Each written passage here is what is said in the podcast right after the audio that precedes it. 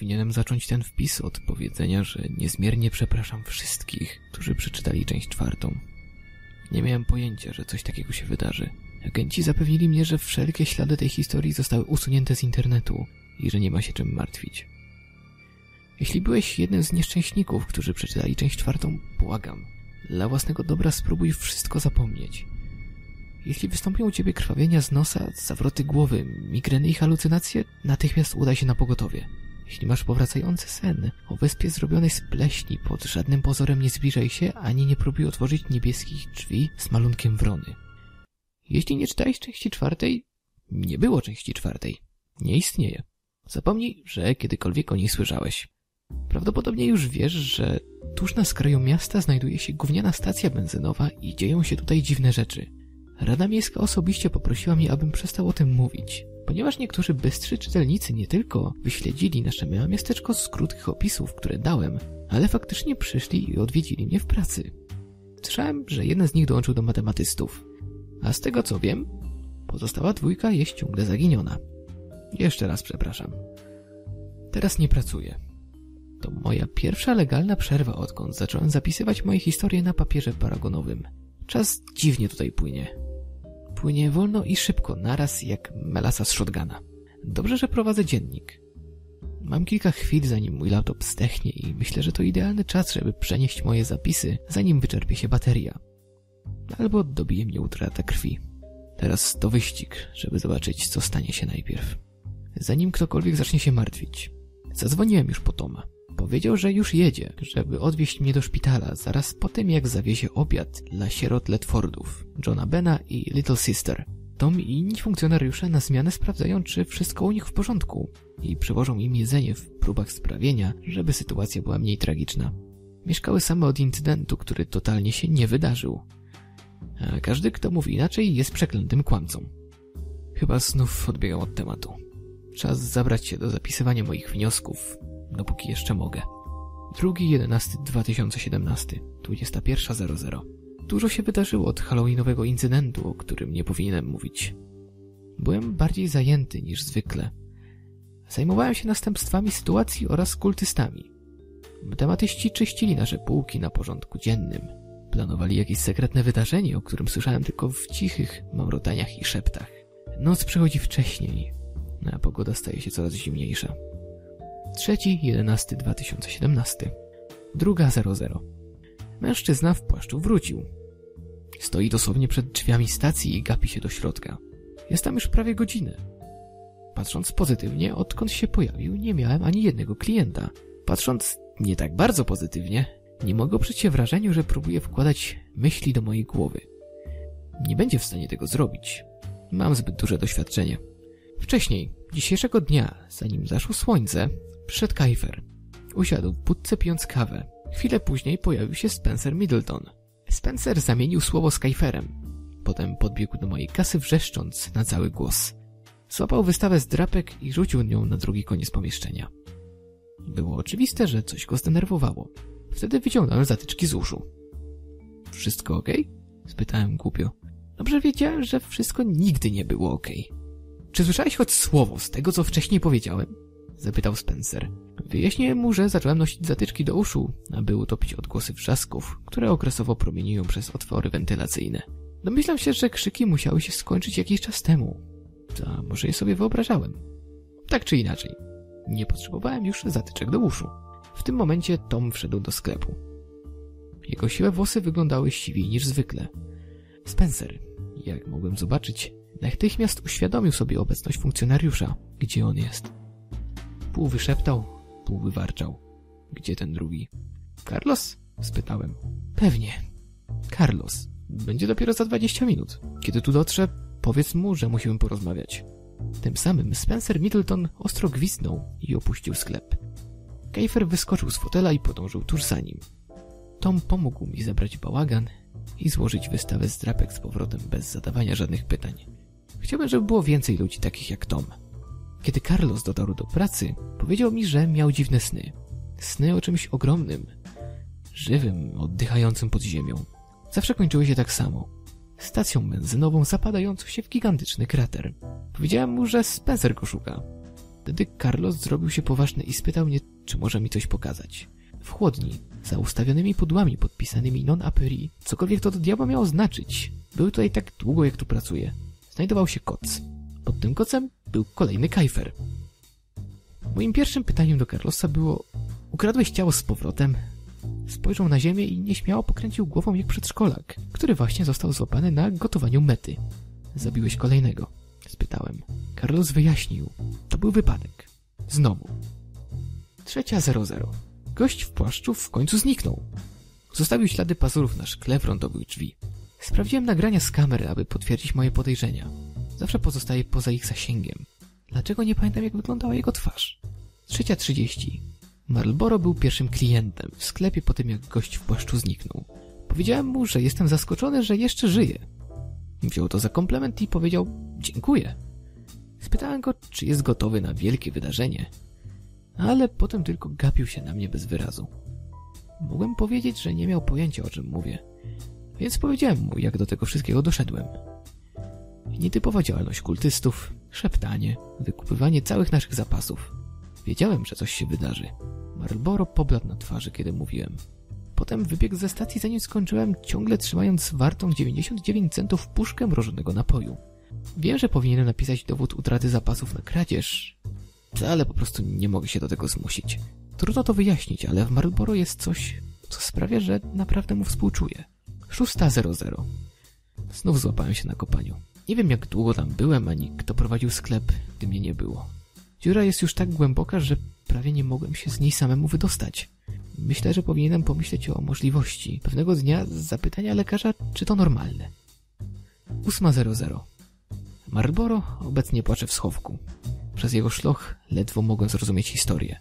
Marlboro został wysłany na coś w rodzaju zadania zwiadowczego w zeszłym tygodniu i nie ma pojęcia, na co przygotowali się inni. Kiedy dziś wieczorem wrócił do ośrodka, znalazł całe miejsce całkowicie opuszczone. Łóżka pozostały nieposłane. Na niektórych talerzach nadal było jedzenie. Ogień wciąż płonął w kominku. Ubrania wszystkich były nadal w ich osobistych skrzyniach, po mleku, obok śpiworów. Ale ludzie, wszyscy ludzie, po prostu zniknęli. Barbaro nie radzi sobie z tym bardzo dobrze. Ale mam sklep do prowadzenia, więc poprosiłem Carlosa, aby pomógł mi przenieść go do magazynu. Sądzę, że potrzebuje chwili dla siebie, a potem może, kiedy skończy, on po prostu, no nie wiem, wróci do domu? Czwarty, jedenasty, siedemnasty. Dwudziesta pierwsza, zero zero. Eksterminatorzy właśnie wyszli. Mówią, że tym razem dorwali wszystkie węże. Ale mam swoje wątpliwości. Piąty, jedenasty, siedemnasty. Kajfer wszedł dziś do sklepu i zrobił kilka cienkich pogróżek. Pytał także o Carlosa, ale powiedziałem mu, że jestem zmęczony byciem pośrednikiem i że jeżeli ma interesy z Carlosem, musi konfrontować się z Carlosem. Wtedy Kajfer zaczął zachowywać się dziwnie. Wiesz, że to miejsce to tylko wielki eksperyment. Na ty jesteś małą myszką? Powiedziałem Kajferowi, że musi coś kupić albo wyjść. Kupił tubkę pasty do zębów. Potem rozebrał się do naga na środku sklepu i zaczął rozcierać pastę po swoim nagim ciele. Powiedzieli mi, że coś jest nie tak z twoim mózgiem. Czy to prawda? Próbowałem być uprzejmy i odwrócić wzrok, gdy odpowiedziałem te. Jakaś choroba psychiczna? Te. Znowu odpowiedziałem. Szkoda. W tym momencie Kajfer był zupełnie nagi. Podszedł do maszyny z mrożonymi napojami i napełnił duży kubek słodką, czerwoną cieczą. Potem odwrócił ją do góry dnem nad czubkiem swojej głowy. Potem otrząsnął się gwałtownie, jak mokry pies, wrzucając kawałki zimnego, lepkiego lodu na wszystko, od sufitu do ścian. Niektóre nawet wylądowały na mojej twarzy. To ale starałem się nie pozwolić mu zobaczyć, jak się wzdrygam. Wiedziałem, że to tylko próba zastraszenia mnie i nie chciałem dać mu satysfakcji. Co to właściwie jest? Zapytał, kiedy wracał do miejsca, w którym czekał na niego stos jego ubrań. Co? spytałem. Jakie jest twoje schorzenie? Schizofrenia? Protanopia? Zapalenie opon mózgowych? Gejoza? Nie, odpowiedziałem. Nie śpię. Nie śpisz? Brzmiał, jakby był autentycznie zainteresowany.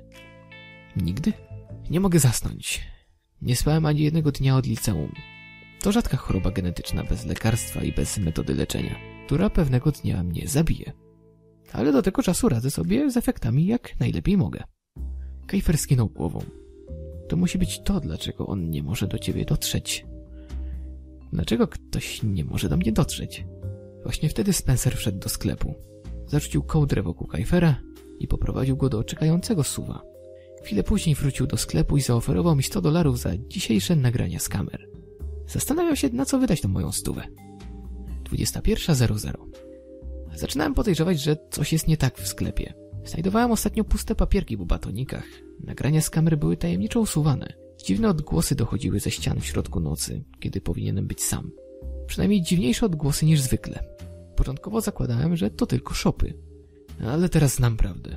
Teraz wiem, że Marlboro mieszkał tutaj przez ostatnie dwa dni. Właśnie wyszedł ze schowka w szlafroku. Skinął mi głową i chwytając pasek suszonego mięsa poszedł do łazienki. Nawet nie przyszło mi do głowy, że Marlboro nigdy nie wyszedł. 6, 11, 17, 4.00. W końcu się to stało. Przypuszczałem, że to tylko kwestia czasu. Wiem, że powinienem odczuwać żal, wstyd lub inne emocje, które normalni ludzie potem odczuwali, ale wszystkim, co czuję, jest zawstydzenie. Ocknąłem się parę godzin temu z łopatą w ręce. Podobnie kopałem i tym razem zrobiłem poważne postępy. Dziura miała co najmniej 7 stóp głębokości, strome ściany z luźnej czerwonej gliny. Zajęło mi trochę czasu uświadomienie sobie, że wpatrywałem się w atramentową czarną noc obsypaną niezliczonymi gwiazdami. Kiedy niektóre większe ciała niebieskie zaczęły się poruszać, zrozumiałem, że te gwiazdy były po prostu bezdusznymi czerwonymi oczami zmutowanych szopów, gapiących się na mnie z krawędzi dziury. Prawdopodobnie szukają jedzenia, te bezwstydne żebraki. Wyrzuciłem łopaty z dziury i wtedy to usłyszałem. Wyobraź sobie dźwięk noża rzeźnika uderzającego o arbus. Jak solidny, mokry prask. Teraz wyobraź sobie, jak arbus gulgotał i przewracał się jak worek ziemniaków. No, chyba naprawdę przesadziłem z tą metaforą. Kiedy wyszedłem z dziury, zobaczyłem, że łopata stoi w pozycji pionowej. Zaostrzonym końcem zaklinowana mocno w otwartej ranie klatki piersiowej wciąż drgającego kajfera. Kajfer był martwy, zanim do niego dotarłem. W ostatnim akcie buntu podniósł w moim kierunku oba środkowe palce. Poczułem tylko maleńki respekt dla niego.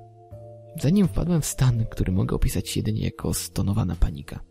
Pierwszą rzeczą, którą chciałem zrobić, było znalezienie czegoś, w co mógłbym owinąć ciało, ponieważ z pewnością Spencer Middleton wkrótce po nie przyjdzie.